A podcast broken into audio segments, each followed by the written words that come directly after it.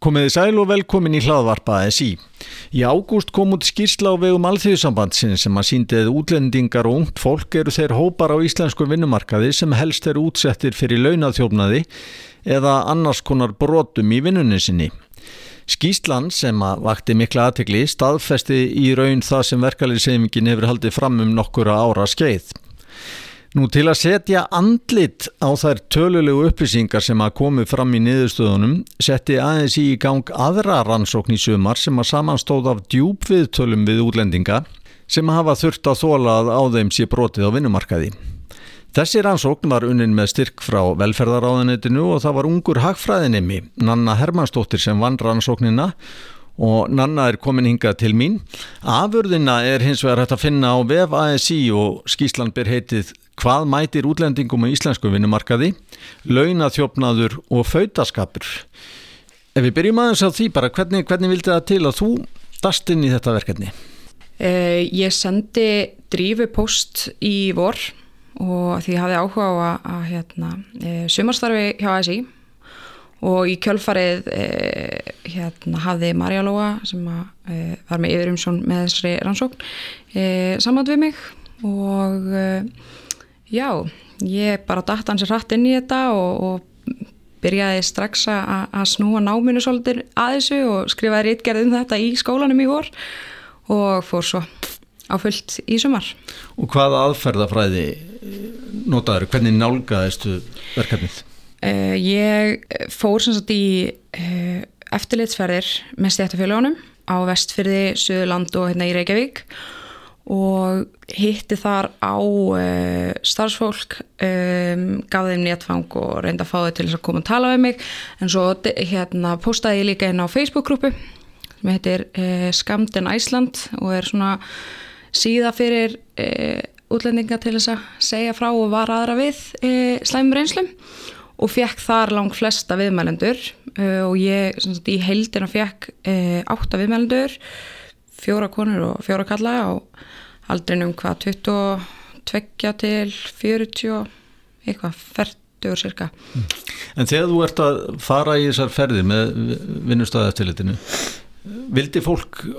ekki tala við þig? E, það var ansi mismunandi e, og ég hafði það svolítið á tilfinningunni að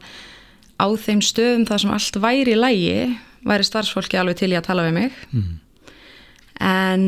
eh, á öðrum stöðum var þetta svona já, byrjaði smá spjall en svo kom yfirmæðurinn eða atvinnureikandin inn og þá fór allt í lás og það eru líka margir sem voru bara almennt svolítið óryggir með það þegar fulltrúa stéttafélagana væri að koma inn mm. alveg bara því við vissi ekki alveg hvað var í gangi, við vissi ekki hver, af hverju væri maður svolítið svona e,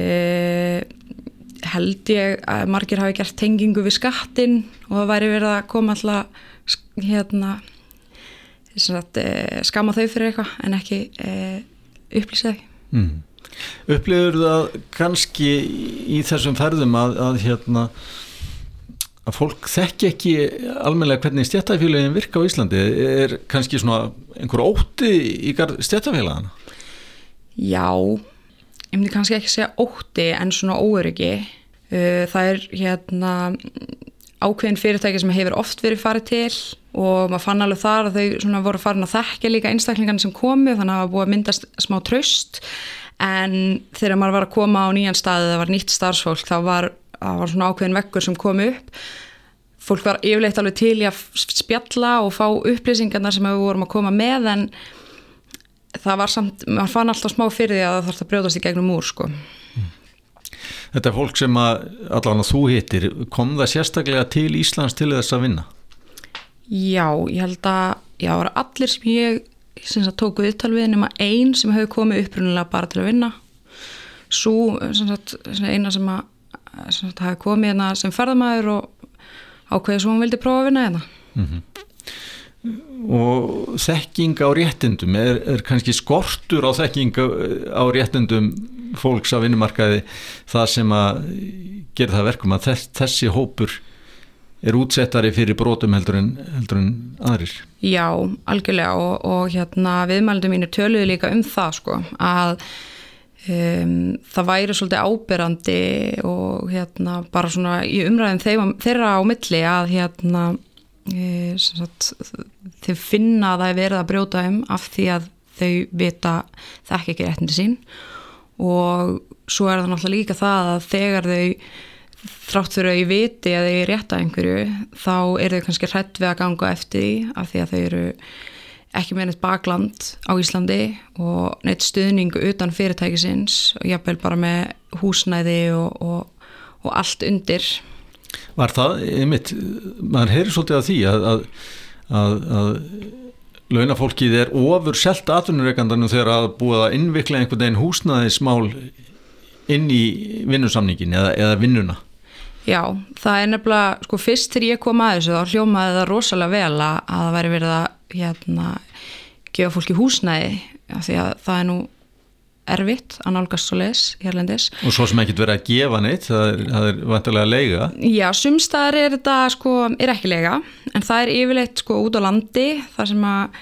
í rauninu þú þarft að útvöða fólki húsnæði, en svo er lega og í öllum þeim dæmum sem komu upp hjá mér var legan langt yfir markasverði dæmi um, um konu sem var dildi herbergi með fimm öðrum og uh, var rauninni, þetta var rauninni bara svona hostel, þannig að var engin önnur aðstafa og borgaði 90.000 fyrir rúmið. Og í herbergi sem hún deldi með fimm? Já e, Hvaða tegundir í af þessum átta einstaklingum sem að þú rætti við, hvaða tegundir brota voru algengastar? Um, það sko um, þetta var aðalega sem sagt bara vera ekki verið að borga um yfirvinnu eða þeim hefur verið sagt upp skindilega og þá sem sagt ekki fengið uppsvögnarfrest og ekki fengið greitt laun um, en það sem kom sérstaklega út úr þessari skýrslu sem var kannski erfitt að halda einhverju fram um áður var hvað starfsmennur hrættir við yfirmenn sína hversu mikil völd atvinnreikundur hafa yfir starfsmennum Og ertu með dæmi um það úr skýslunni? Hvernig? Það er eins og með húsnæði þá hérna fólk kvartar yfir einhverju, kannski ekki að fá rétt borgað eða bara hvað sem það nú er þá er þeim sagt að þau er nú bara verið ánað, þau eru með húsnæði og, og þau skulle nægt vera kvart yfir þessu af því að þá getið þið ekki treysta það lengur sem að eðlilega setur fólk í stopp. En svo eru, þá eru við með tvö dæmi um einstaklingar sem var sagt upp uh, bara án fyrirvara og bæði dæmin uh, komi í kjölfar þess að þau hefðu farið fram á að fá greitt uh, greitan yfirvinn taksta Þannig á einu bretti þá, þá, þá töpuðu viðkomandi bæði vinnunni og húsnaðinu Já. Varstu vörfið það að, að þetta er nú eiginlega, eiginlega hálfgerð sko hendaraðgerð, er það ekki? Jú, og það er einmitt sko, það er ekkert endilega þannig að, að hendin sé framkvæmt en það er alltaf óttin við hendina sem að hérna mjög ábyrrandi í gegnum þetta. Og mér er þess að eitt sem ég talaði við sem að hérna hann gengi í gegnum ímislegt á vinnu stað og sagði upp fórl stjættafélagsins og uh, sem sagt atvinnureikandin fór þegar hann komst að hann hefði farið til setjafélagsins fór til vinar hans sem vann hjá sama fyrirtæki og sagði honum að hann, hann mætti fara. Hann geti þakka vini sínum fyrir að hann var ekki lengur með hennu þannig að þessi hend nær miklu lengra heldur en bara til einstaklingana sjálfra. Þetta nær líka bara til vinna þeirra sem að eru að vinna hjá sama fyrirtæki eða þú veist Þetta er svona ógnar stjórn Mjög mikið Sko í skýslunni sem kom og er stóra skýslan sem kom út í ágúst þá, þá voru það ferðarþjónusta og mannvirkjagerð sem að komu verst út hvað, hvað brot, hvað þessu fólki snertir. Hvernig var þetta hjá þér? Áherslan var uh, í þessari rannsókn á ferðarþjónustuna og mannvirkjagerð uh, vegna neðustöðunar sem kom úr, úr hérna, henni skýslunni um, en ég náði ekki að tala við neitt úr mannverkagerð mm -hmm. og mér finnst það í rauninni segja á sögu sjálft af því að ég fann það líka sérstaklega þegar ég fór inn á hérna svona byggingasvæði að, að þar var mikil hæðsla við e, stjættafélagin og mjög mikið af starfsfólki sem talaði ekki ennsku sem er almennt ekki vandamál í ferðarþjónustunni eða svona allavega ekki framlýfni störfunum. En uh, í byggingareinaðinum þá er oft menn sem að koma hérna í nokkra mánuði eitt verkefni, jafnvel nokkur verkefni en tala ekki ennsku, tala alls ekki íslensku og einu tengslinn sem að hafa, þeir hafa við einhvern er í gegnum yfirmenn sína e, þannig að það var einmitt, það var e, svona tungumála hindrun en við vorum samt með tólk þannig að vonumst til þess að það er ekki vandamál en svo var það aðlega bara það að voru ekki tilbúin að tala við okkur En hvernig byrtist svo hraðsla? E, eitt svona fyrsta dæmi sem ég rakst á var komin á svæði og fyrir að tala við tala, tala við starfsfólk og þar var eitt sem talaði bara mjög fina ennsku og var mikið að spjalla við okkur svo stóðu hérna e, vinnufélagar hans bara fyrir aftanan og svona kvísluðanum voru alveg svona eitt titrað alveg. Veist, þannig að það var e, greinlega e, mín tilfinning er allavega svo að, að þeir hafi verið hrættir við að væri verið að fara að taka þá fyrir eitthvað. Við værim ekki aðna til þess að hérna, hjálpa þeim heldur til þess að finna eitthvað að því sem þeir sjálfur væri að gera. Mm -hmm.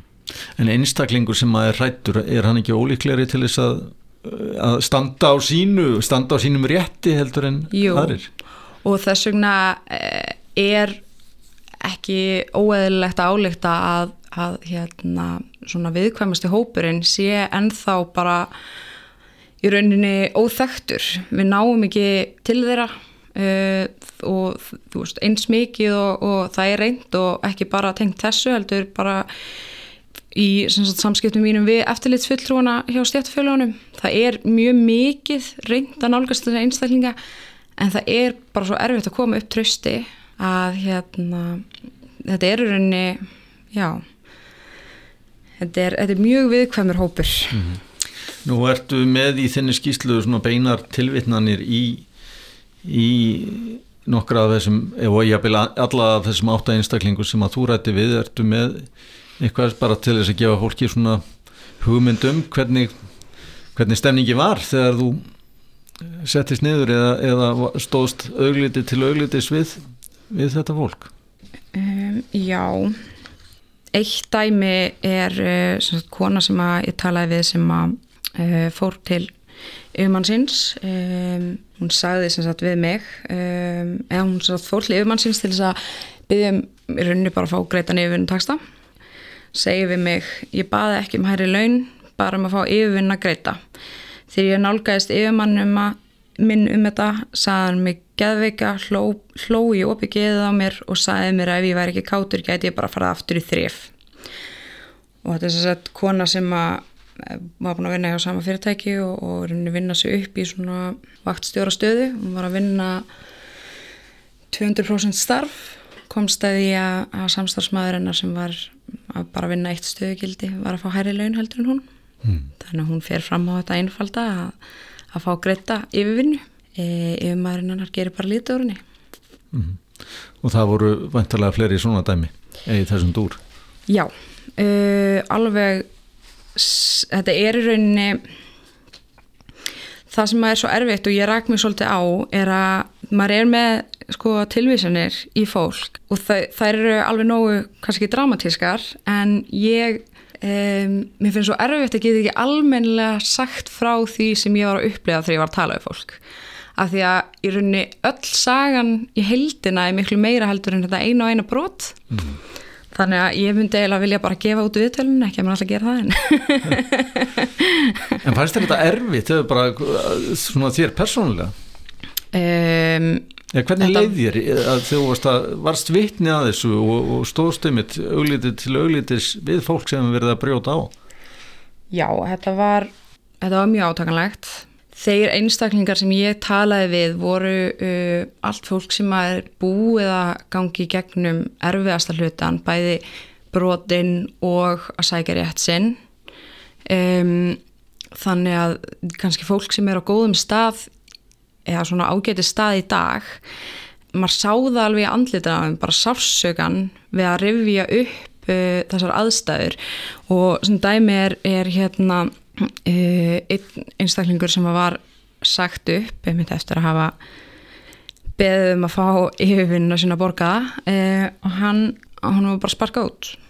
Það var bara gisti heimili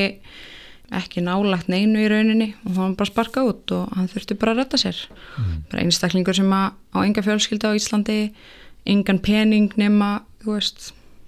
átti ekki efna á flugum með heim. Þannig að þetta er e,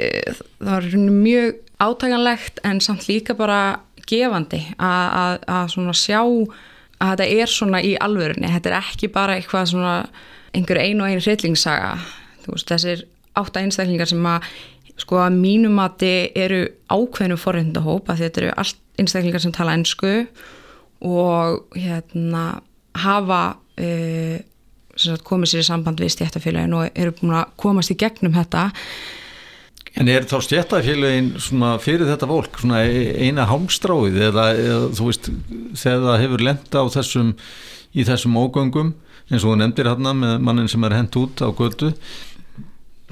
er það þá stjættafélagin sem að koma til hjálpar? Já um, það eru náttúrulega einhverjir sem að eiga vini hérna en það er mjög svo bara þessir viðmælindir mínir það var svo sem ansið tvískipt en, en hérna e, margir þeirra töluð um stjættafélagin hérna eins og þau hefur bara bjargað lífið þeirra þannig að það er, er líka mjög mikilvægt fyrir þessa einstaklinga að vita að það sé einhver að vinna fyrir þá að þó að þau kannski ekki fjölskyldu að vini þá er alveg fólk sem er, er hérna er að gera allt fyrir þau. En það er samt alveg líka þannig að það er ekkert allir að fá frábara reynslu af stjættafélagunum sínum. Og mjög ljóst að það er mismunandi eftir stjættafélagum hversu mikil eftirfylgni er og, og hérna hversu varlega í rauninni er farið í að leysa málinn mm -hmm. En svona að lókum bara niðurstaðan í stöttum máli Sko niðurstaðan er rauninni bara svo að um, það er mjög langt í land og það þarf miklu meira heldur en uh, stjættafjölögin til. E, það vantar bara aðgerðir, það vantar lausnir á vandamálum eins og, og húsnæði. Ef einhverjum er kastað út þá er ekkert sem stjættafjölögin getur gert í því. Þar auki er e, bara mikilvægt að, að við svona tökum stöld saman um þetta bara stjórnvöld, atvinnureikundur